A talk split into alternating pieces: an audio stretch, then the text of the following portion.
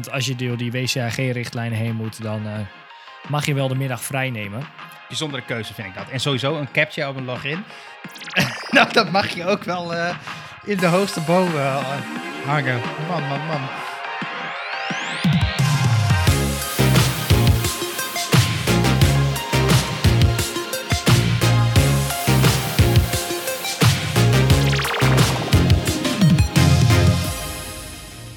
Welkom bij de Pixel Paranoid podcast. Ik ben Mikelle en samen met mijn co-host Rick gaan we alles behandelen rondom UX, UI en frontend development. En deze week gaan we het hebben over accessibility. Alweer. En Ja. dat heeft ook wel een reden, want het is ehm, de week van de toegankelijkheid. Tenminste, eh, in deze week nu we het opnemen. Dus ik weet niet wanneer die live In, gaat. in Nederland. In dit land, ja, klopt. In andere landen is het eh, soms wel eens op een andere datum, geloof ik. Of een maand eerder. Of in mei, zag ik, in Amerika. Ja. Ehm, maar eh, het is nu in, eh, in Nederland. En nou, het leek ons wel gepast om iets over accessibility te gaan hebben. Yes. Ehm, maar eerst een aside.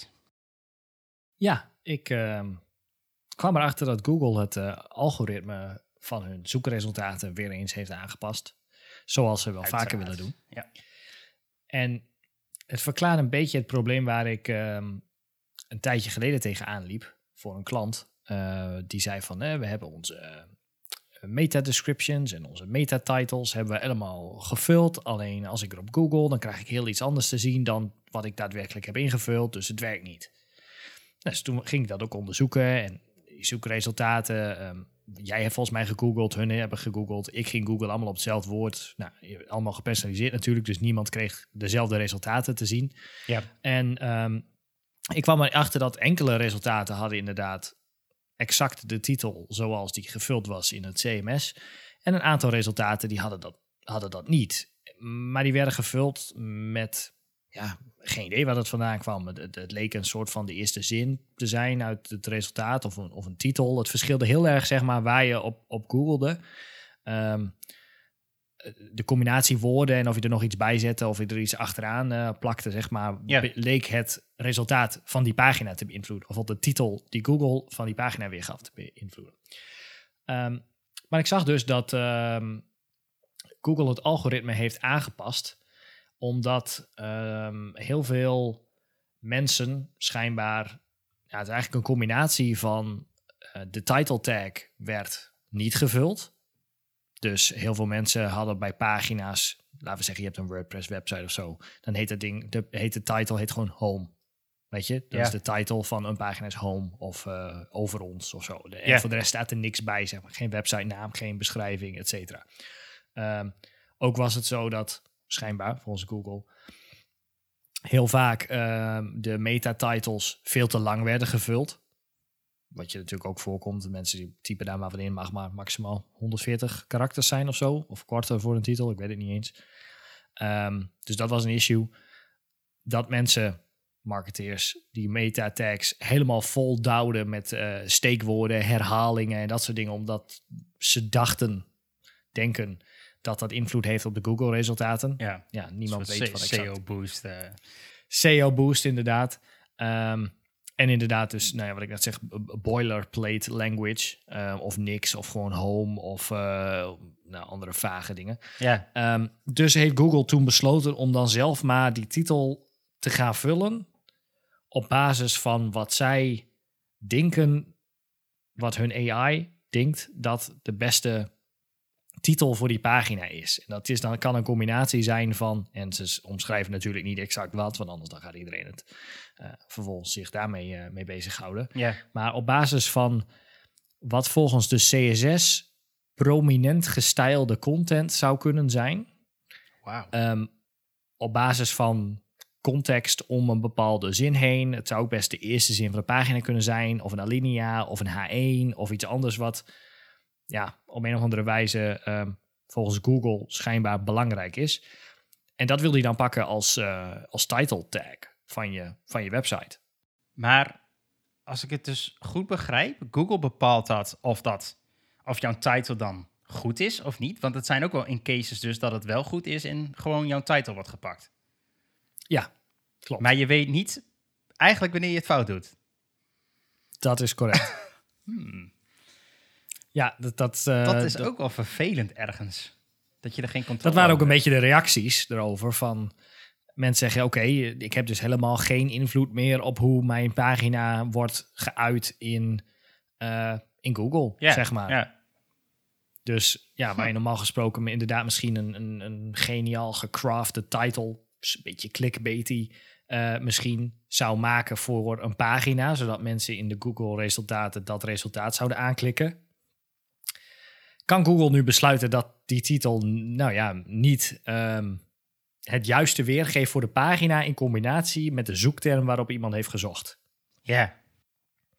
Dus misschien is die clickbait title wel perfect voor als iemand zoekt op X, maar als iemand zoekt op Y en de content op de pagina is wel relevant, maar de titel slaat niet op hetgene wat de gebruiker heeft gezocht, Ja. dat Google zelf een titel gaat verzinnen om dus alsnog de gebruiker wel bij jouw resultaat te krijgen. Maar je hebt er dus geen invloed meer op.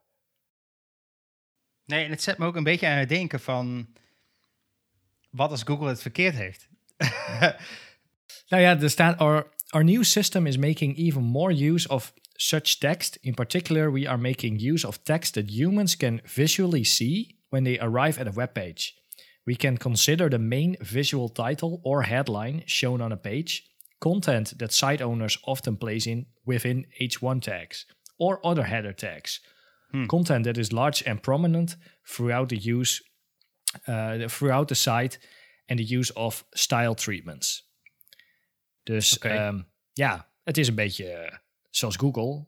Hocus pocus. Je weet niet, eh, je, hebt er, Ja. je hebt er geen invloed meer op. Het is een stukje Google Magic en dan eh, mag je hopen dat het de titel is die je denkt dat het is. Oké. Ja, ik weet niet zo goed wat Ja. ik hiervan moet vinden. het is een beetje... Nou ja, ik verbaasde me er dus over dat, dat of althans, ik kreeg dan de feedback van, hé, hey, we hebben dit allemaal, heel, eh, weet je, onze copywriters hebben allemaal precies de titels gemaakt Ja. van zoveel karakters en beschrijvingen. En, en als je dan zoekt op, op dat woord, dan krijg je de pagina wel te vinden, maar de titel klopt niet met wat wij hebben bedacht. Nee. En ja, dus het is stuk. Nou ja, nu weet ik dat het niet stuk is en dat je er dus dat, dat je er eigenlijk niks mee kunt doen. Dus ehm, ja, Dat wordt wel eh, weer lastig uitleggen zeg maar, aan je klanten. Eh, eh, ja, je geeft ze altijd wat, wat, wat regels mee. Van, nou, schrijf het zo. Dat is beter voor SEO, bla bla bla. Dat zijn allemaal mooie regels om dat allemaal goed te pushen naar Google. Eh, dingen als die, die meta tags goed netjes vullen, die descriptions. En eh, nou, je hebt nog dingetjes Mhm. als eh, Open Graph en zo. Maar ja, als Google gaat tunen aan die elementen. Ja, zonder dat gebruikers we- dat weten. Nou ja, misschien hebben ze het wel aangekondigd trouwens. Dat, dat zou ook heel goed kunnen. Maar dat zou kunnen. Dan heb ik het, heb ik het gemist. Maar eh, ik kwam het per toeval, eh per toeval kwam ik het tegen. En eh, ja, ma- het makes sense. In ieder geval voor mijn probleem. Dus goed om te weten dat je klanten kunnen dat vullen.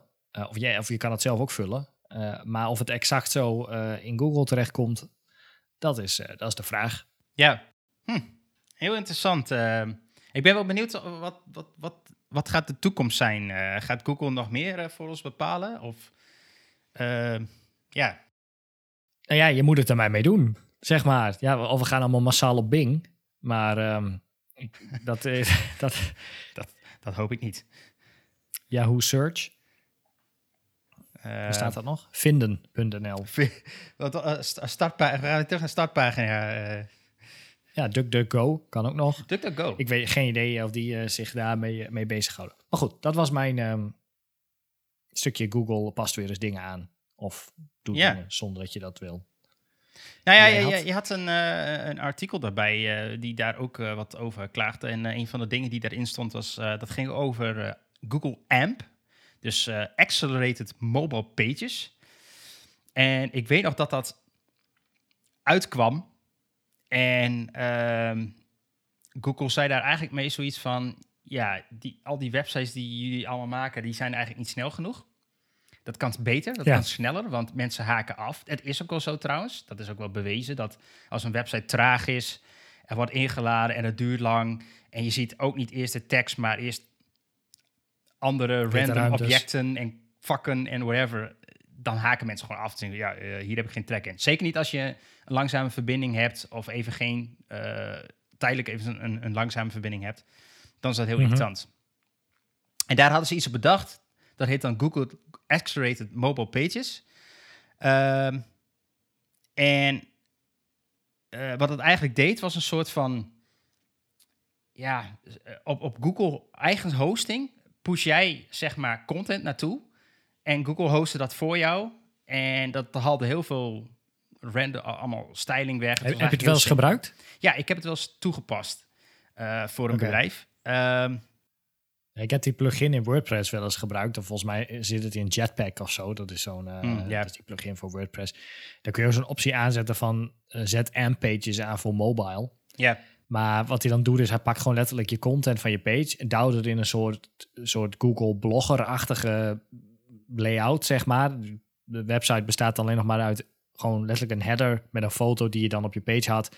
En daaronder staat gewoon alle content getiefd ja, dan zit er ook niks meer op je website, zeg maar. Alle, nee, dat, dat, is, dat is het uh, idee. alle styling, alle styling, gewoon alles is gewoon weg. Nee, dus ja, daar heb je ook no geen shit dat hij snel is. Daar heb je ook geen controle over. Dat, dat is het hele idee van Google uh, Accelerated Mobile Pages. Is dat Google bepaalt wat voor, of, of hoe het eruit moet zien. Gewoon snel dus. Dus al die opsmuk, dat haalt hij allemaal weg. Prima. Uh, en daarmee moet je ja. het bij doen. Uh, ja. Ja. Ik, maar ik werd, heb... werd dat geforceerd trouwens? je, je kon dat zelf, je moest daar iets mee doen, toch? Als je niks mee deed. Nee, nee, was het ook prima, wordt zeker niet geforceerd. Uh, maar wat, wat, wat, ik wel een beetje raar vond, is. Um, je kreeg een beetje het gevoel van hey, je moet daaraan meedoen. Uh, of, of anders doe je het gewoon niet goed, zeg maar. Uh, het was ja, een beetje zo. een rare introductie, ehm, vond ik. Het bestaat heb, nog wel, toch? Ja, het bestaat nog wel. Maar ik heb het een beetje dus het idee dat het ook wat, wat doodgebloed is nu. En dat Google daar een beetje misschien een mistake heb, heeft gemaakt. En anderzijds, wat ook niet helpt, of eh, wat heel goed is, Google uh, scoort jou tegenwoordig gewoon slechter als jij je performance niet op orde hebt. En je hebt uh, Google Lighthouse, waarin je je eigen website of iemand anders website ook kunt testen op allerlei punten. Um, en als dat gewoon niet zo goed voor elkaar is, uh, ga, zak je in de ranking in Google. Nou, dat heeft iedereen wel tot aan denken gezet. Zeker websites die heel veel traffic vanuit Google krijgen. Van, yo, ik moet dat voor elkaar hebben. Ik moet dat goed voor elkaar hebben. Uh, want anders gaat het mis. Maar daardoor is de, de, de... Ja, daardoor heb je eigenlijk AMP ook niet meer nodig. Want je maakt je eigen website al rete snel. Dus ja. Ja, uh, oké. Maar AMP was meer een soort van uh, stel je hebt een website die je snapt er helemaal geen flikker van. Je wil gewoon met één druk op een knop wil je een snelle performant mobiele website hebben. Dan kon je dat gebruiken. Dat was een beetje het idee van AMP, toch? Uh, nu is het zo, natuurlijk, je wordt nu gerankt op je, je performance score. Dus daar, uh, daar kun je wat mee. Uh, en als je er nog steeds niks mee wil, zou je hem nog steeds kunnen gaan gebruiken. Of je doet er niks mee. Dat klopt. Het, is, het, het kan het, is een beetje, het was inderdaad een beetje van, hey, uh, bijvoorbeeld iemand stuurt jou een linkje naar een, uh, een blogpost. Uh, als je die AMP uh, aan hebt staan en je regelt dat via AMP, dan werd die pagina in eerste instantie geladen via Google AMP. Waardoor je eigenlijk gewoon een, een soort van, ja, het is een beetje zoals de reader mode in Safari. Ja, precies. En, en, gewoon, stript gewoon alles ja. eraf, je alleen maar content. Ja. ja, en je wilt dat ja, dat kan je nog steeds, tuurlijk, dat kun je nog steeds toe, uh, toepassen. Maar volgens mij ging het met name ook om dat, uh, dat hij heel erg performant was en heel erg snel. Waardoor je dus niet hoeft ja. te wachten. Ik krijg gewoon direct de content voorgeschoteld en klaar. En ja. wat mijn ding nu een beetje is, is dat heel veel websites dat nu heel, heel goed voor elkaar hebben. Ook al met styling en alles erop en eraan. Ja, ehm, precies. Dat, ja, het is niet meer heel erg nodig misschien. Nee, precies. Ja, ik denk dat dat een betere insteek was. Dat, dat vroeger had iedereen en dat is stiekem nog steeds wel een klein beetje zo. Super bloaty uh, WordPress websites met tig plugins en weet ik dan allemaal, tering traag. Dan kon je dat gebruiken. Nu houdt iedereen zich al veel meer bezig met überhaupt gewoon goed scoren in Google, omdat je anders gewoon helemaal niet goed scoort. Ja. En dus is het, probleem is veel minder erg. Ja, en, ja. en toen was dat ook niet zo'n ding. Uh, toen werden, uh, zeg maar, snelheid was niet een, echt een, een, een ranking toen nog voor, voor Google. Dat hebben ze pas later toegevoegd en toen bestond AMP al. Dus... Ja, want we gingen eerst van... Eerst ging je gewoon naar... Uh, semantics, zeg maar. Toen kwam de mobile first ranking erbij. Toen kwamen er nog wat andere dingen bij. En we zitten nu inmiddels op die eh, first content... Nee, wat is het? Dat is de afkorting. De first... Ja, FCP. Toch? Bedoel jij? First of? FPC. First Painted Content? I don't know. Ja, ja, zoiets. Er is een metric in ieder geval die, waar hij waar die naar kijkt inderdaad. Ehm, als hij daar... als hij naar een website kijkt. De, welke, welke dingen als eerste ingeladen worden. En sowieso is zijn UX-metrics nu ook een ding. UX metrics. Ja, zoals hoe, hoe visible dingen zijn, dat je... Oh, accessible bedoel je? accessible. Gewoon- Ja, ook. eh, maar ook eh, eh, ja, eh, dat je niet rare dingen gestyled hebt en zo. En, en dat wordt ook steeds meer. Oh, dus je, je, zou nu ook, je krijgt nu ook punten voor of je contrast goed is, bij wijze van. Ja, volgens mij ook. Ja. ja. Oh, dat is wel cool. Nou, passen we helemaal in de Accessibility Week. ja. Maar goed, ehm, conclusie. eh, Google doet soms dingen waarvan wij maar te slikken hebben. Vraagtekens hebben. Ja. ja, nee, klopt. Dus dit is, dit is weer zo'n weer zo'n ding. Ja.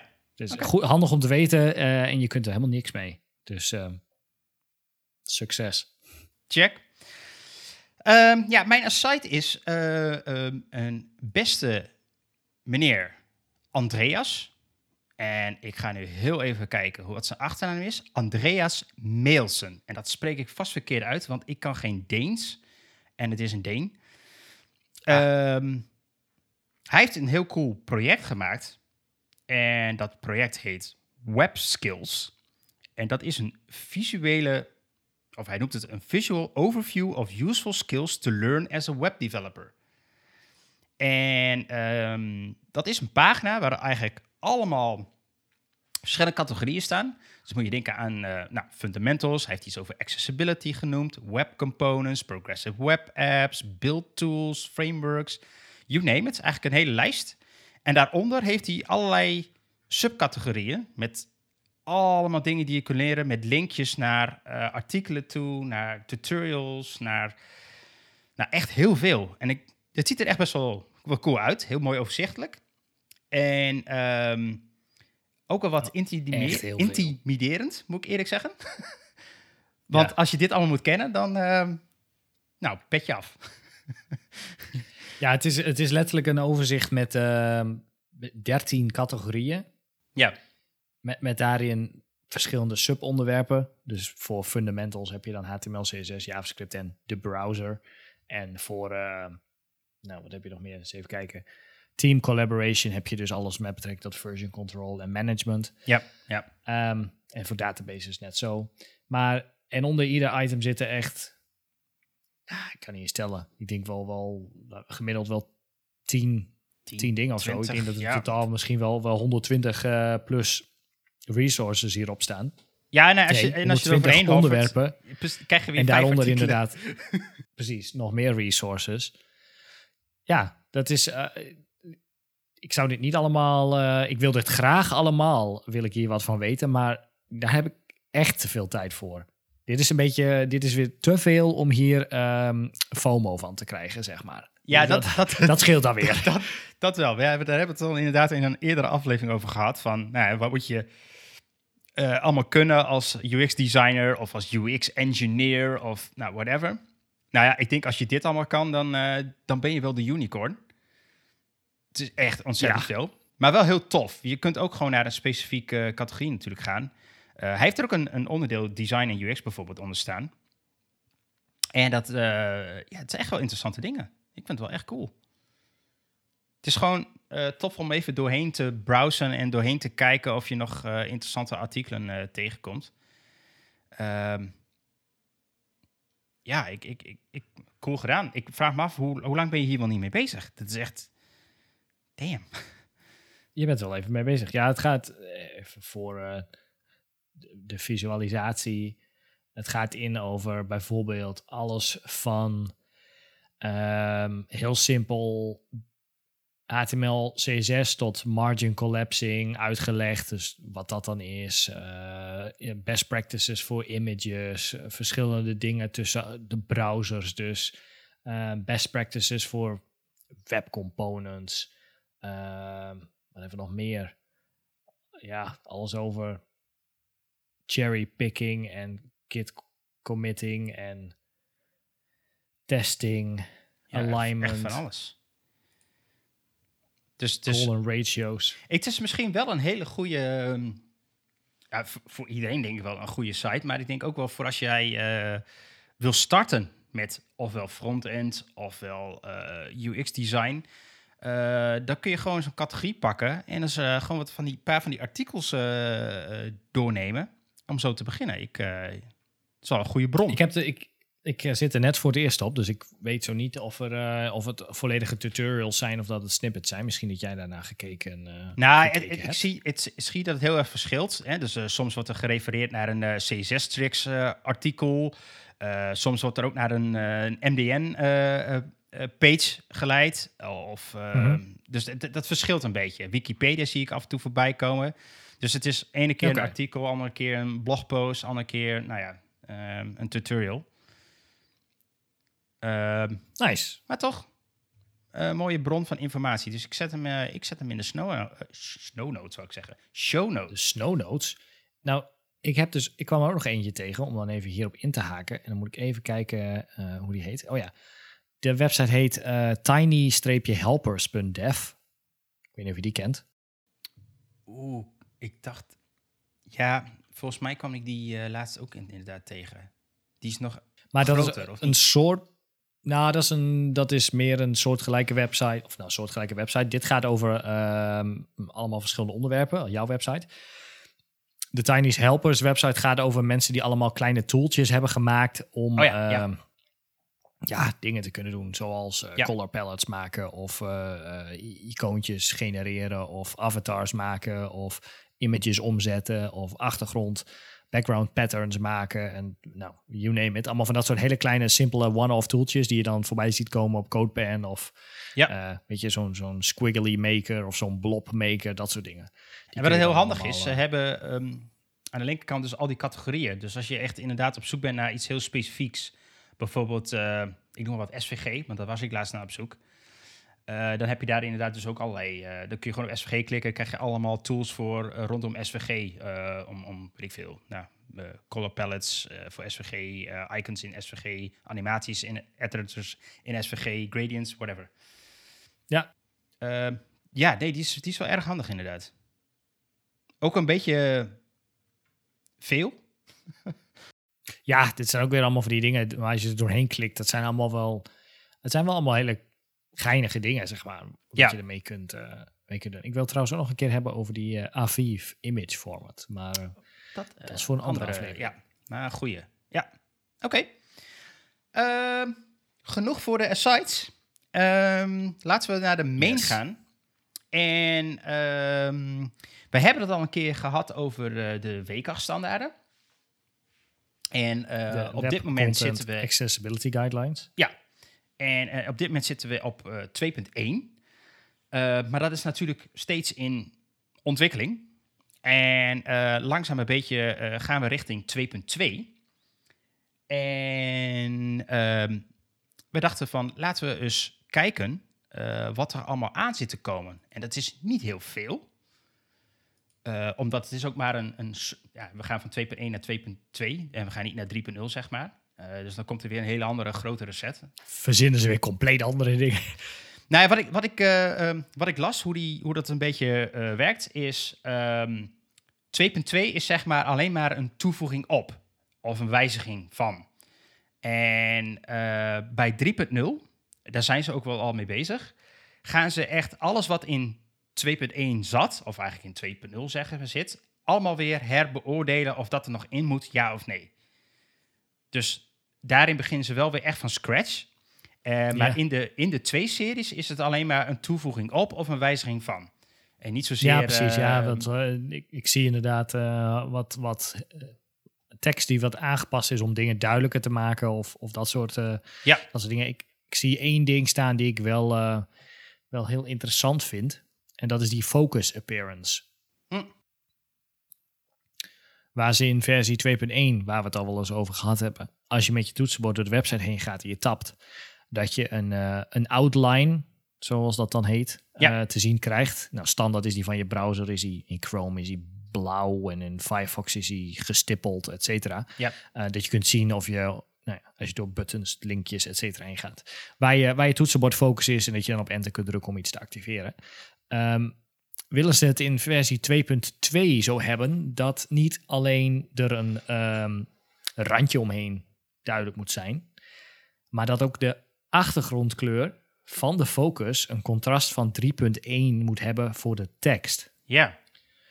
En Dat is wel trouwens voor AA, toch? Dat is AA, Ja, inderdaad, maar dat is, dat is eigenlijk de meest gebruikelijke. gebruikelijke. Ja. En 4,5 voor AAA. Nou, dat is praktisch zwart, zwart-wit, zeg maar. Ehm, maar ja, dat, dat eh, gaat nog wel wat... ehm, daar gaan mensen wel wat van vinden. Althans, ik vind dat goed, denk ik. Maar eh, heel veel eh, gebruikers, klanten, et cetera... die nu al zeggen van ja, ik daarop klik of zo... of ik ga met mijn toetsenbord eromheen. Ja, mensen, ik weet het, Focus Visible komt eraan... maar is ik- nog niet overal Ik wou net zeggen. beschikbaar. Safari, get in there. Maar ehm, Want ik denk, Eh, ik denk als je wel dat, toets- ja, dat Focus Visible trouwens daar wel echt eh, de oplossing voor is. fo- ja, Focus Visible, eh, oké, Focus Visible moet hier voor geïmplementeerd zijn. In alle browsers wil je dit eigenlijk Ja. doorvoeren. Want in plaats van dat je dus je stippellijntje om je, je linkje heen zet, of je, je gekleurde randje, moet eh, het, het vakje ook een achtergrondkleur hebben die contrast heeft met de tekst. Dus stel je hebt een linkje, eh, in dit voorbeeld, informatie voor ondernemers. Eh, normaal zou je die selecteren met een, eh, weet ik veel, laten we zeggen, een blauwe stippellijn eromheen of zo. En de achtergrond is nou, zwart. Dan moet je dus nu de achtergrondkleur ook wit maken. En zodat de tekst die zwart is en de, zwart, de tekst dan zwart maken. Zodat je een voldoende contrastratio hebt van de tekst op de achtergrondkleur van je geselecteerde focuselement. Ja. Ja, dat is wel dus- even. eh, het is natuurlijk een goede toevoeging, daar niet van. Maar het is wel even wennen, denk ik, eh, voor veel mensen. Dat is wel, het, is wel een, een flinke wijziging van de eis, zeg maar. Of een flinke wijziging, maar het valt wel op. Lijkt daar het houden. het valt een heel stuk meer op met wat je aan het selecteren bent, zeg maar. Er zijn heel veel websites die doen nu helemaal nog niks. Die verwijderen alle outlines, dus je hebt geen idee wat je selecteert. En ehm, als je nu met je toetsenborden heen gaat en je hebt Focus Visible nog niet eh, overal, dan zul je dus ook als je met je muis op een item klikt, ja, die, die randjes zien. Nou, dat valt, dat valt nog mee te leven. Maar als op het moment dat de achtergrondkleur van een item ook nog gaat veranderen, op het moment dat je erop klikt, dan ehm, eh, gar- eh, garandeer ik dat mensen daar tickets voor gaan inschieten. Ja, ja. Ik klik op die link en hij wordt dan geel. Ja, nee, check. Ja. Ehm, ja, en een andere waar ik wel heel graag bij wil stilstaan, eh, want dat, dat was eigenlijk een beetje nieuw voor mij, eerlijk gezegd, is eh, dat gaat over draggable elementen. Eh, nou, je hebt soms op een website wel eens van die ehm, bijvoorbeeld upload, upload vakken, waarin je dan een bestand in kan slepen. Of je hebt Ja. soms in een CMS, weet je wel, dan kun je pagina's verslepen naar een andere categorie. Nou, dan kan je echt een item oppakken en slepen. Of Nou, en sorteren wat- van dingen in een lijst. Ja, eh, of dat bijvoorbeeld. Ja, zeker. Ehm, en wat, eh, ehm, eh, wat de richtlijnen nu eigenlijk zeggen is, dat is heel leuk, maar dat is niet altijd even accessible. Zeker als je wat, nou, niet van die hele mooie gecontroleerde beweging kunt maken met je muis, dan is dat best lastig. En moet je dus een alternatief bieden daarvoor. Nou, dat klinkt heel erg logisch. En ehm, ehm, Waar ze mee kwamen is dat je volgens mij eh, dat dan of met je toetsenbord kunt doen. Dus bijvoorbeeld met de pijltjes dat je bijvoorbeeld de sortering kunt veranderen.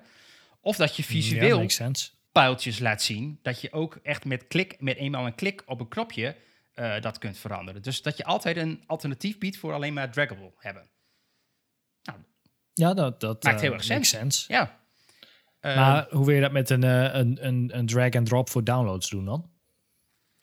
ehm, nou, eh, dat er ook altijd een, een kunt- button in dat veld staat, zeg maar, waar je op een klik oh, die je gewoon de- kunt klikken. Ja, oh, ja. oh, zo. Ja, oké. De- Meestal staat dat er wel. Maar inderdaad, nu je het zegt, niet altijd. Dan heb je gewoon zo'n sleep hier. Uw, eh, oh ja, oké. Nee, dat makes sense. Ja. En ehm, dit heeft niet zoveel te maken met 2.2, maar wat mij opviel, ik zat even in die op de website van w3.org te kijken, waarin dat allemaal uitgelegd wordt. En het was mij nog nooit eerder opgevallen, maar ze hebben dus persona's erbij uitgeschreven. En ik vind dat eigenlijk best wel handig, want daarmee wordt het probleem heel erg duidelijk wat ze hiermee proberen te verhelpen met zo'n richtlijn. Ehm, Ja. Nou, en dat, het- bijvoorbeeld bij degene die ik net noemde, eh, er staat erbij: eh, Problem, I cannot hold down the mouse button and drag it uh, accurately enough to move the items in this list. Ehm, en dan staat ja. er ook: Wanneer werkt het wel goed? Works well. When I click on the item in the list, I get up and down arrows and I can click those to change the order. Nou, Ja. handig, vet handig. Dan snap je ook een beetje waar die richtlijn eh, vandaan komt. Dus ehm, nou, dat vond ik wel een, eh, een interessante change aan het eh, geheel. Ja, een ander nieuw item, volgens mij, maar correct me if I'm wrong, ehm, vond ik ook wel interessant, is accessible authentication. Hm, ja, Dat ehm, als je dus wil gaan voldoen aan de WCAG 2.2 richtlijnen, mag je geen CAPTCHA meer gebruiken op ehm, inlogpagina's. Althans, geen ehm authenticatiemechanisme waarbij visueel iets moet worden gedaan ja, omdat die reCAPTCHA van Google schijnbaar totaal niet accessible is. Selecteer alle fietspaden, brommers, eh, gebouwen, scooters, pionnen, dat soort dingen. Eh, dus dat mag niet meer. En, ehm, en ik vraag me even af, dat staat er niet helemaal, eh of althans in, in dit artikel niet helemaal duidelijk bij. Ehm, het support van password managers mag niet worden geblokkeerd. Dat vind ik wel een hele chille. Ja, Ehm, dus die, eh, wat is het, autocomplete is off of zo en andere vage dingen. Dat het stiekem geen paswoordveld is, maar iets anders. ja, ja. En dat je er niet in mag pasten, dat soort dingen. Dat is dus ook niet meer... Da- daar, daarop inhaken. Ik, ik vraag me eigenlijk af waarom ze dat doen. Is dat, is dat dan om een soort van meer proberen meer secure te zijn? Of wat, wat zit daarachter? Nou ja, ik, ik heb wel van die websites gehad waar je dan een wachtwoord moest invullen. En dan typ je wachtwoord opnieuw. En dan weer het, weer, weet je, dan, Oh ja, dan copy-paste. weer pasten. En dat mag niet. En dan ga je met je password manager en dan, nee, fucking doe het ook niet.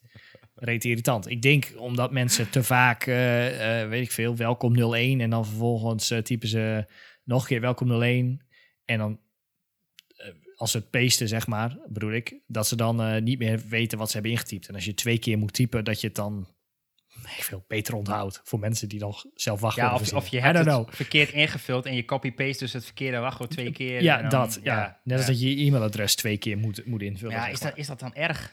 Ja, ik weet het niet. Ik, ik, ik vind dat lastig, want ehm, een, een password manager is zeg maar... Alleen, alleen de tool al is een, is een behoorlijk gebruiksvriendelijk. Want je hoeft dus niet per se allemaal wachtwoorden te gaan onthouden. Ja, Ja. Wat, is, wat is belangrijker, zeg maar? Ehm, nou ja, ik, ik, ik, bijzondere keuze vind ik dat. En sowieso een captcha op een login. nou, dat mag je ook wel eh, in de hoogste boom eh, hangen. Hello, is, it, is dit Binance speaking? Oh ja, dat, dat- ja. Daar heb ik nog niet eens meer Ja, nagedacht. die- Die hebben dat inderdaad. Ja, hebben ook zo'n hinderlijk ding met zo'n puzzel. In plaats van dat je... Ja, die zijn natuurlijk heel erg bang om, eh, om aangevallen te worden door, door bots. En die maar dingen proberen. En ja, dan gaan ze er maar een kapje denk tussen zetten. Ja, Ik denk het. Ik heb het in ieder geval bij de ING nog niet gezien. Maar goed, het staat, het staat erin. Ehm, dus ik ga ze gewoon eigenlijk stiekem allemaal bij langs zo. Maar wat ik ook wel heel interessant vond, is eh, WCAG 2.2, Findable Help. Bedrijven mogen geen contactgegevens meer verstoppen. ja, om ja. de werkdruk van medewerkers van de helpdesk te verminderen. Ziggo. Ehm, dus ja, de, de- het, stelt, het, het stelt dat gebruikers makkelijk ehm, hulpmiddelen zoals FAQ's en contactinformatie moeten kunnen vinden. Het advies is dan ook om deze op iedere pagina te laten terugkomen, bijvoorbeeld in een header of footer. ja, Dus eh, ik, ik vind het eh, eh, meer dan logisch, maar helemaal voor. Ik bedoel, eh, volgens mij is het zelfs zo, het moet per se op elke pagina een helpfunctie zijn, toch? ehm, nou, of, er staat, er moet je bij kunnen. Ze zeggen, het advies is om, om het op iedere pagina terug te laten komen. Er staat volgens mij geen hele harde richtlijn dat dat misschien niet mag. Nee. Maar dan moet ik even, even kijken. Ja, Findable Help is meer een consistent navigation. eh, check. Ehm, een ander dingetje die ik nog eh, erin zie staan, ook in, dus in 2.2, is dat ze nu een minimum target size hebben. En ik weet niet of dat er al in zat. Maar wat Was ik. dat die 44? Of nee, nee. Nou, Nou- is dat niet die 44 keer 44? Ja, nee. Dat, dat is die, die touch target. Dus, hè, dus Ja. als wij een touch device hebben en je wil op een knop kunnen drukken, dan is het eigenlijk heel handig om de minimaal 44 pixels hoog en breed te hebben. Zodat je genoeg aanraakvlak hebt om die knop aan eh, te raken. Maar wat ik juist interessant Ja. vind aan deze regel, is dat het ook gaat om bijvoorbeeld een linklijstje. Dat de, eh, de linkjes minimaal 24 pixels, C6 pixels, van elkaar afzitten. Zodat je niet per ongeluk op een andere link klikt dan dat je had willen klikken. En dat is wel een interessante regel. En daar, ik, ik heb daar nog geen rekening mee gehouden in dingen. Dus ik ben wel benieuwd of, ik, of we daar dan nat op gaan, zeg maar. Nou ja, meestal eh, denken we natuurlijk wel na over white space en de afstand tussen, tussen eh, zeg maar de line height van, van zaken. Maar of het ehm, precies 24 is, meestal doe ik 16 of zo. Ja. Nou, ik, de- regel exact is... eh, targets have an area of at least 24 by 24 C6 pixels. Except...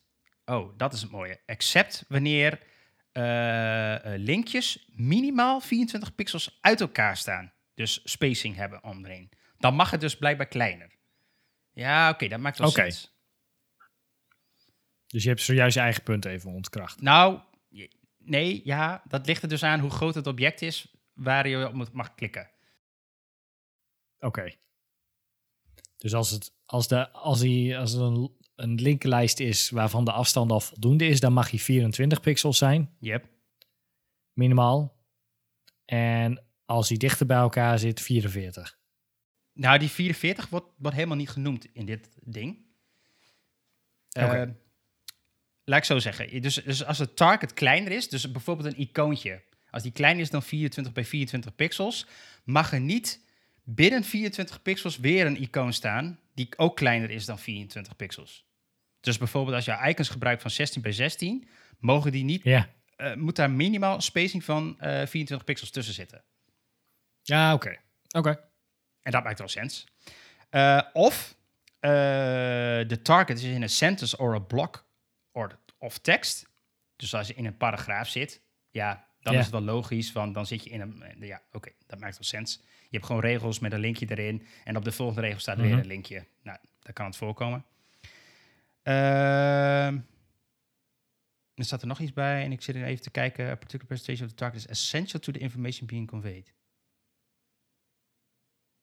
Oh, zo. Dat, dat gaat inderdaad volgens mij echt. Stel je doet een icoon. En dat is dan ook representatief voor wat het betekent, voor wat het doet.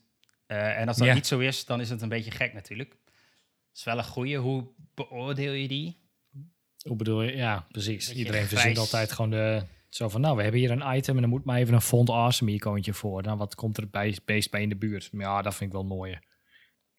Ja, maar ik, dit ja, ik vind het een beetje lastig om daar een harde eh, zwart-wit ijs van te maken. Zeg maar. Wat is nou goed en wat is niet goed? Maar goed, Eh, oké. Andere dingen die er ook in aankomen. Dit vond ik wel een interessante. De fixed reference points. Ehm, als voorbeeld gaat het over paginanummers. Die niet meer kloppen als iemand ingezoomd is. Dat staat ook bij jouw persona, staat daarbij. Iemand zegt, ik Ja. ben een slechtziend ehm, en ik moet naar pagina 44, want het is handleiding of zo, weet ik veel, ik noem maar wat. Pagina 44 moet ik zijn. Dus ik, ja, ik, ik ben ingezoomd. Alleen hetgene wat ik moet hebben staat niet meer op pagina 44. Want de paginanummers kloppen niet meer, omdat ik ben ingezoomd. Het is meer een, een pdf eh, of een, een, een inhoud dingetje, zeg maar. Maar Ja. die vond ik wel interessant. Ehm, en hidden controls. Bedieningselementen om een proces te voltooien, zoals knoppen voor het verzenden van een formulier, moeten altijd duidelijk zichtbaar zijn. Dit helpt mensen om te begrijpen hoe ze een taak moeten uitvoeren. Hm. Dus je mag geen ehm, knoppen die een proces moeten, waarmee je een proces kunt voltooien, mag je niet meer achter hovers of, ehm, of andere dingen eh, doen, zeg maar. Makes sense. En ik zie dus blijkbaar iets met eh, redundant, redundant entry. Dus dat een website niet jou mag vragen om gegevens dubbel in te voeren als het geen nut heeft. Hey, dus de dubbele wachtwoord, dubbele e-mailadres mag niet meer. Nou ja, ik weet niet of, of die daar dan onder valt. Ehm, het gaat over online formulieren. En ze zeggen daarbij, Westen zouden het niet moeten verplichten om informatie opnieuw in te voeren als dit niet nodig is. Eh, een voorbeeld hiervan is het tweemaal invullen van adresgegevens voor het betaaladres en bijvoorbeeld ook voor het bezorgadres. Ehm, een uitzondering wordt gemaakt voor informatie die noodzakelijkerwijs twee keer ingevuld moet worden. Oké. Oké. Ja. Interesting. Op zich, Meestal heb je wel een vinkje voor eh Ja, precies. factuuradres, hetzelfde als... eh, ik moet ook zeggen, als ik een, een webshop tegenkom die dat doet, dan denk ik, oh my god, come on guys. That's an easy fix. Nou, ik heb het een keer, eh ah, zo weer 2014. Heb, ik heb het een keer ingebouwd. We hadden een webshop waar het niet in zat. Ehm, en dat was serieus toen, ja, ja, wel logisch. We toen een request. Ja, kunnen we heel, iedereen vult daar toch altijd hetzelfde in. Kunnen we dat ook, ehm, kunnen we dat ook eh, zeg maar automatiseren? Dat het gewoon aanvinkt dat het niet hetzelfde is. En dan kon je hem wel invullen. Oké. Ja. Hm. Ehm, maar eh, dat, dat is de lijst volgens mij. Of Ja. heb jij nog... Nee, nou, kijk, dan is nog het ding van nee, gaat dit in natuurlijk. En daar staat bij, it is scheduled to be completed and published in 2000, 2021. Ja, Nou, dan hebben we nog even. ja, alleen ik lees ook, eh, zeg maar, dat het al de bedoeling was dat hij eh, juni dit jaar gepubliceerd zou worden. Maar dat is dus niet doorgegaan. Ik weet niet waarom. Maar goed, Oké, en nog eind dit jaar. één laatste ding. Focus visible, waar we dus net over hadden. Dus dat is dat, je, dat, je, dat het duidelijk moet zijn wat focus heeft, is verplaatst van AA naar A in Oh. de specs. Kijk, Eén één- dus dat is zeg maar nu nog belangrijker geworden. ja, Nou, nou moet praktisch als je een website maakt voor iets van semi-overheid altijd al voldoen aan AA. Dus dan verandert er helemaal niks voor je. Maar, ehm, nou, dus dat. Maar over eh, accessibility gesproken. ja. Ik kwam de accessguide.io tegen. En dat is een friendly introduction to accessibility. En het is een visueel aantrekkelijke, haast ge, ge, gekinderrificeerde website over ehm, wat deze moeilijke termen in de WCAG-richtlijnen eigenlijk nou allemaal precies, eh, precies inhouden. Ik zie veel plaatjes met Comic Sans. Het zijn heel veel, het is letterlijk heel veel Comic Sans eh, eh, plaatjes om je eigenlijk in heel simpel, simpele taal uit te leggen ehm, wat het inhoudt en wat je ermee moet en hoe je het kunt oplossen. Ja. En dat gaat dan inderdaad over ehm, dat je foutmeldingen moet beschrijven, dat eh, inputvelden labels moeten hebben, dat je geen knipperende dingen mag gebruiken. Nou, onder andere dus de focus styling. ehm, allemaal van dat soort basic AA en AAA dingen zijn, eh, zijn hierin in, eh, uitgelegd. Ze hebben ze gelabeld met eh, nou, welk level het is, waar het onder valt, of het de media is, of het visueel is, of het physical is. Dus ehm, Het is behoorlijk uitgebreid. Ik zit er even ook wat aan te klikken nu, maar eh, dit is wel nice. klopt. Ja, dit is dus, want als je door die WCAG-richtlijnen heen moet, dan mag je wel de middag vrij nemen. Maar, ehm, of eh, op eh, niet declarabel schrijven. Maar eh, de- de- je kunt ook deze erbij pakken. Dit, Ja, dit legt het ook wel simpel uit. accessguide.io. En kun je nou, ik zit even te kijken, ik zie inderdaad overal de verschillende levels ook bij staan, maar kun je nou, kun je nou sorteren op, op level? Ja, dat als kan. je op het labeltje Ah, klikt. Nice, ja. Oh, handig. Dus als jij bijvoorbeeld voor een klant moet voldoen aan level AA, dan kun je gewoon level AA aanklikken en dan kun je los. Ja, ik- ze zijn er, eh, komen telkens nieuwe dingen bij. Dus, eh, maar er staan al redelijk, eh, redelijk wat dingen op. Is hij trouwens compleet? Weet je dat? Of hij... Nee, nee vol- volgens mij, wat ik nou zeg, hij is nog, nog niet compleet. zo- Ze zijn sorry, er volgens sorry. mij Ja, nog, eh, nog mee bezig. Want er zijn veel meer dingen dan eh, in 2.1 dan dat hier nu, eh, dan nu staan. Ehm, maar eh, er staan wel heel veel eh, dingen op. In, Ja. eh, Jip en Janneke taal uitgelegd. eh. Oké, heb ook het idee zo te zien dat de belangrijkste dingen er ook wel echt tussen staan al. Mhm. Klopt. Oké, oh, super handig.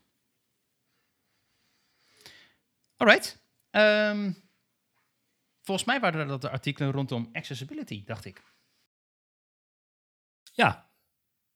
Ik heb niet, eh, ik heb niet meer. We zijn eh, door dat stukje heen. Nou, mooi. Ik, dus, eh, iedereen kan ze weer even zijn, zijn dingetjes aanscherpen als het eh, eind dit jaar eh, wel live gaat.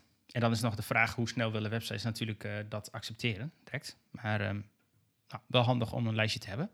Ik zet, eh, we zetten hem ook in de, eh, in de show notes. En dan eh, kan iedereen het voor zichzelf doornemen. Ehm, gaan we door naar de footer. Jij mag Heeft- eerst. Oh, ik mag eerst. Ja. Nou, top. Ehm, ja, ik, eh, een van mijn eh, eh, Twitter-vrienden... Nee, ik weet niet, het is geen vriend. Maar iemand die ik volg op Twitter is Hakim Hel Hattab. En die had een mooie tweet over de recente uitgebrachte Safari 15.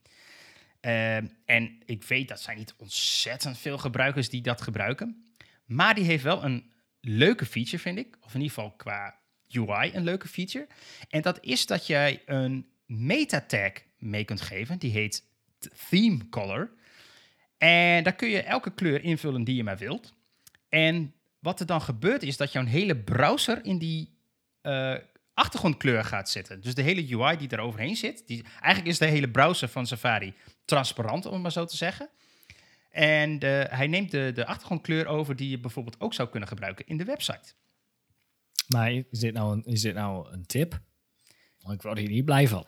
Nou, ik word hier wel blij van, want het is best wel cool. Als je dat eh, Oh. netjes toepast, eh, kan dat best wel een eh, cool effect geven. Want je, eigenlijk zeg je van, ik ga mijn brand nog beter ook in de browser laten uiten. Het is iets wat Ja, Apple ik- heeft toegevoegd. Dus. Ik, ik, ik heb het, ja, oh, oh, nou dan is het, eh, dan neem ik gelijk mijn woorden terug. Nee, ik, ik heb dit al wel eens benoemd een paar afleveringen geleden dat ze hiermee bezig waren in die, eh, in die demo-versie van eh, Safari voor de nieuwe Mac OS-versie, Mountain Hippo, hoe die ook maar mag heten. Ehm, maar ik weet niet wat ik daarvan moet vinden. Ik snap wat jij net zegt, dat je je brand beter, misschien beter kunt overbrengen. Dat als jij weet ik veel, je website hebt en je hebt dan een blauwe sectie. Zo moet je je voorstellen. Je hebt dus een blauwe eh, reep midden op je website, bijvoorbeeld dikke call to action. En je scrolt in Safari daar voorbij. Dan verandert dus je adresbalk eh en je, je, je bookmarkbalk en gewoon de hele bovenkant van je browser wordt dan ook blauw, zeg maar. Dezelfde Dat- kleur blauw als dat de moet je balk. wel Zou zelf- kunnen, hè? Ja, oké, zeg maar. Dat moet, dat moet je wel zelf coden, dat deel. Oké, ja, dan moet je zelf coden inderdaad. Ehm, dus dan zou je met JavaScript kunnen checken van... hey, ben ik daarheen gescrolld? Zet Ja. dan die meta-tag naar blauw... en dan scroll je naar beneden... gaat je balk opeens zo van wit of zwart, whatever die is... en zo is hij opeens blauw. Nou, dat kan super toffe effecten hebben. Maar ik kan dit ook... Ik kan dit ook godsgruwelijk. Zit er nog iets van een minimum requirement op qua accessibility? Of kan iemand het ding instellen op wit met witte tekst? Of grijs Je, met je witte kunt tekst? los, er zit geen minimum requirement op. Wat ik wel heel tof vind, is uh, hij laat wat voorbeelden zien van websites met een hele mooie bovenkant header, waarin de brandkleur in zit. En oftewel, Ja. jouw browser uh, neemt ook die kleur over, waardoor het meer... Uh, ja, het is een beetje als uh, de, de, de Philips tv's met hun UI backlight, zeg maar, Ambilight. Nou, dat, dat ge gevoel creëer je een beetje. Dus ik vind het wel grappig, maar zoals met alles... With great power comes a lot of responsibility. Ja, ja ik, ik, ik, zie dit ook nog wel inderdaad straks uh, dat websites dit instellen en, en weet ik veel, geen idee, vergeten of zo. Of daar echt een kleur kiezen van nou, wat is je brandkleur? Ja, een blauw. nou, vul maar in. En dat je straks inderdaad op websites hebt. Ja, ik heb alles het liefst in dark modus. Kom ik op zo'n website, knalt opeens daar in onder knalroze ja. uh, adresbalk mijn, uh, mijn woonkamer in. Um, ja, dat is, dat is zeker zo. Dus, dus, en, en daarnaast is de Safari, uh, het aantal Safari-gebruikers is natuurlijk helemaal niet zo groot. Dus uh, de meeste oh, mensen dus, hebben hier dus de, de, impact, de impact boeit ook niet. nee, uh, dat niet. Uh, misschien nog wel een kleine toevoeging. Als je er hiermee aan de slag wilt gaan, wat ik zag, wat werkt, is dat je er ook CSS-variabels in kunt, kwijt kunt. Dus stel je hebt een hele mooie thema ge- gemaakt in CSS-variabels, dan gaat hij dus mee met jouw variabelen. Dan hoef je het eigenlijk één keer te programmeren en nou, nooit weer. Je kunt gewoon in CSS je variabelen aanpassen. Dus dat is wel handig. Oké. Ja, dat is, eh, nou ja, eh, shout-out naar eh, een van de Safari-gebruikers, eh, Harjan. Arjan, leef je uit. ja, nee, het, het- ik, heb, ik heb Safari. Ik, ik, ik- wij bellen nu ook in Safari, omdat Safari chill is voor videobel dingen. Ik in Chrome, dus... Oh, nou, sorry hoor. Ehm, verder nog... eh, Ik heb nog nog een tip, maar jij mag eerst. Oh, nou ja, eh, ik, heb, ik heb ook wel weer twee tips. Eh, de allereerste is misschien een beetje een leem tip. Want ja, dat is gewoon nummer één op Netflix. Maar Squid Game, Ja! serie op Netflix. ja. Koreaanse, Koreaanse serie ehm, op Netflix. Een soort van Hunger Games-achtige serie is het. Het is niet, het is geen horror of zo. Het is een beetje, nou, hooguit thriller of zo. Ehm, het- het- ja, het is een soort van Hunger Games. Er doen 400, eh, het is, wat het is is wel wat 56 extremer dan Hunger Games. Ik zie Hunger het is Games... wel wat extremer dan Hunger Games, oké. maar er doen 456 mensen mee aan een, ehm, aan een, een, een spel. Mensen die schulden hebben, eh, die doen vrijwillig mee aan een, eh, aan een spel waarbij ze geld kunnen verdienen. Eh, en ieder leven wat meedoet, 456, levert 1 miljard won op. En dat is iets van 700.000 euro of zo. En ze moeten allemaal kinderspelletjes spelen. En eh, mensen die dat, eh, nou ja, de mensen die verliezen, en dan, eh, ik, geen spoilers, maar laten we zeggen bijvoorbeeld ticketje of zo, en je verliest, dan word je gewoon afgeschoten en ben je dood.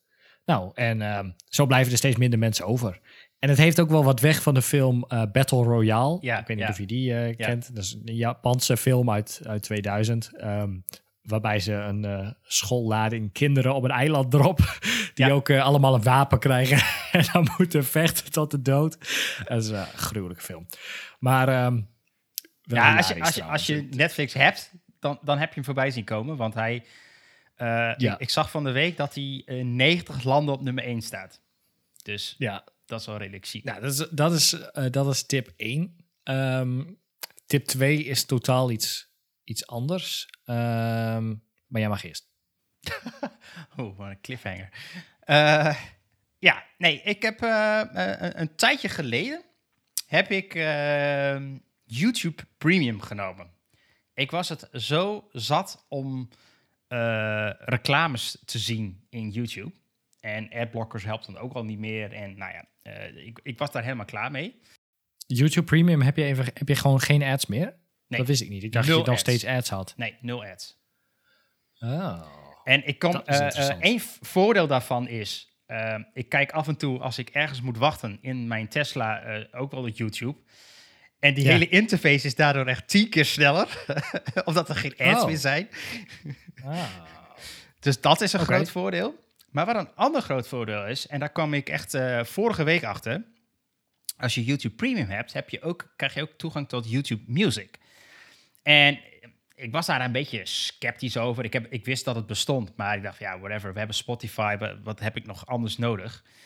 Ehm, en, maar wat YouTube Music eigenlijk heel goed doet, is de combinatie ook met normaal YouTube. En ik, ik ben eh, regelmatig iemand die eh, wel eens wat DJ-sets eh, op YouTube zet ik gewoon aan. En dan op de achtergrond heb ik muziek. Nou, die sets die zijn niet op Spotify te, te, te horen of wat dan ook. Want dat zijn alleen maar Mhm. officieel uitgebrachte nummers, dus geen sets. Dus dat is eigenlijk wel iets wat ik mis. En wat ik ook wel vaak in de auto eh, zou willen luisteren.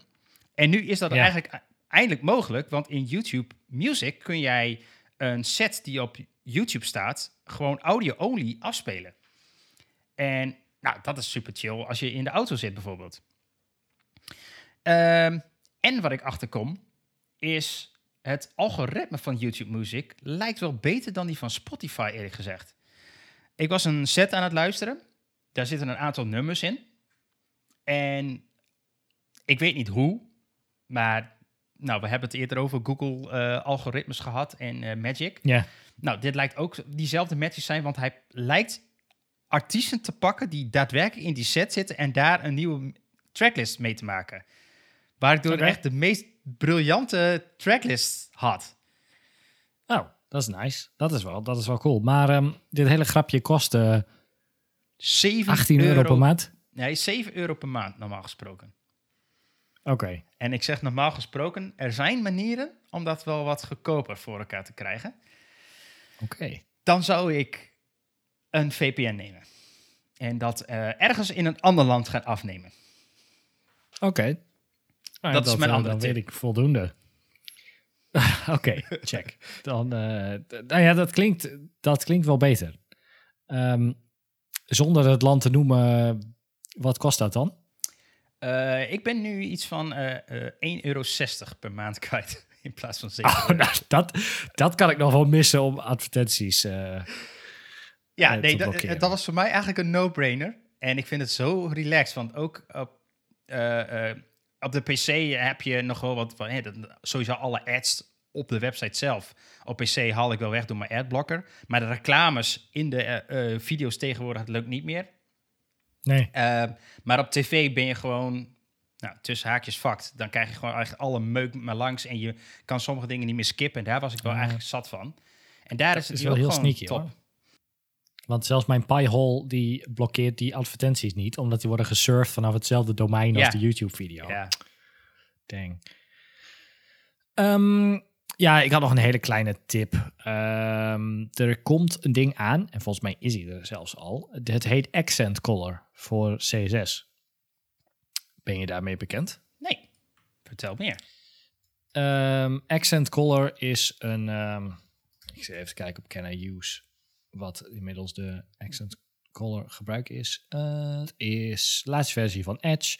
Chrome, uiteraard. Firefox heeft hem ook al. Safari heeft hem niet. Ehm, maar met Accent Color kun je de standaard kleuren, zeg maar formulieren en input styling wordt eindelijk een klein beetje makkelijker. Ja. Je kunt nu straks de accent color ehm, definiëren in je CSS. Ehm, en dan verandert het formulier op je website. Dus de standaard checkboxes en de standaard radio buttons en de sliders en, de, en dat soort dingen. De, de field set, randjes, al Ja. dat soort ongein. Die eh, normaal worden bepaald door je browser. Dus in, in Chrome zijn, zien ze er zo uit en in Firefox zien ze er zo uit. En daar zijn ze blauw en daar zijn ze roze en daar zijn ze paars. Ja. Kun je nu met je accent color kun je zelf een kleur meegeven. En dan zijn alle checkboxes zijn groen met een zwart vinkje. En de radio buttons zijn groen. Eh, en de sliders zijn groen of blauw of whatever jij daaraan meegeeft. Dus ehm, Nice. dat is, dat, dat is cool. En accessibility-wise zit er ook nog weer een klein cool dingetje in. Dat je browser bepaalt wat de beste kleur voor de checkmark en de radio button is op basis van de kleur die jij meegeeft. Dus als jij aangeeft dat je licht roze is, dan zet hij er geen wit vinkje in, maar een zwart vinkje. Oh, kijk. Dat is Dus je hebt er dan weer niet helemaal controle over, maar toch nog wel weer een heel klein beetje. Ah, dat is wel cool. Voor als je zeg maar je formulieren niet helemaal custom wil stylen, maar toch wel een klein tintje wil meegeven van je Ja. thema. En ik zie dat die in Chrome wordt support, in Edge, in Firefox, maar Mhm. helaas niet in Safari. Safari. Oké. Komt hè? Het komt, maybe. Staat er wel al Over een... een half eh, ik, ik, zie, kan niet zien of die al in future versie zit. Jij zit op Can I Use de technical preview heeft support unknown. Oh, Dus eh, oké. Nou, we'll, we'll wait, maar dit is wel weer een, eh, een leuk om in, eh, in, je, in je achterhoofd te houden. is geinig, ja. Oké. Dat was hem. Dat was hem. Nou, volgens mij zijn we weer een... eh, ja, kijk, we hebben een uurtje gevuld. Helemaal goed. Heel belangrijk. Eh, nee, eh, mocht je deze aflevering nou horen op, eh, eh, ergens op een random plek... of je hebt ergens een link voorbij zien komen... en je denkt van, nou, dit wil ik wel vaker horen. Dat kan. Eh, we zitten eigenlijk op allerlei diensten. Trouwens niet op, nog even een toevoeging... niet op YouTube Music, die doet niet aan podcast... Maar wel op Spotify, Google Podcast, Apple Podcast, iHeartRadio, Amazon Music, nou, you name it. Je kunt het niet gek van niet benoemen. Ehm, dus eh Winamp. Winamp, eh Podbean, nee, hoe heet die? Ja, Podbean ook, maar eh Pocketcast, nou, overal. Ehm, dus abonneer dan ons, dan krijg je ook een notificatie als we weer een nieuwe aflevering hebben gedaan. En mocht je nou feedback hebben, Een- of je wil een keer bij ons Een een af- aflevering a- zitten- aflevering? Oh, aflevering. Ik verstond heel iets anders. Oh, aflevering. Know. Ja, check. Uh, maar mocht je nou een keer bij ons in de aflevering willen zitten, dat kan. Uh, laat het ons even weten. Ga naar pixelparanoia.com. Uh, ga naar de contact, contactpagina en laat even een berichtje achter naar ons. En dan uh, gaan we je inplannen. gaan we gezellig met je kletsen. En, Yes. dus dat. Uh, voor nu zeg ik uh, tot de volgende keer. Yes. Laters. Hoi hoi.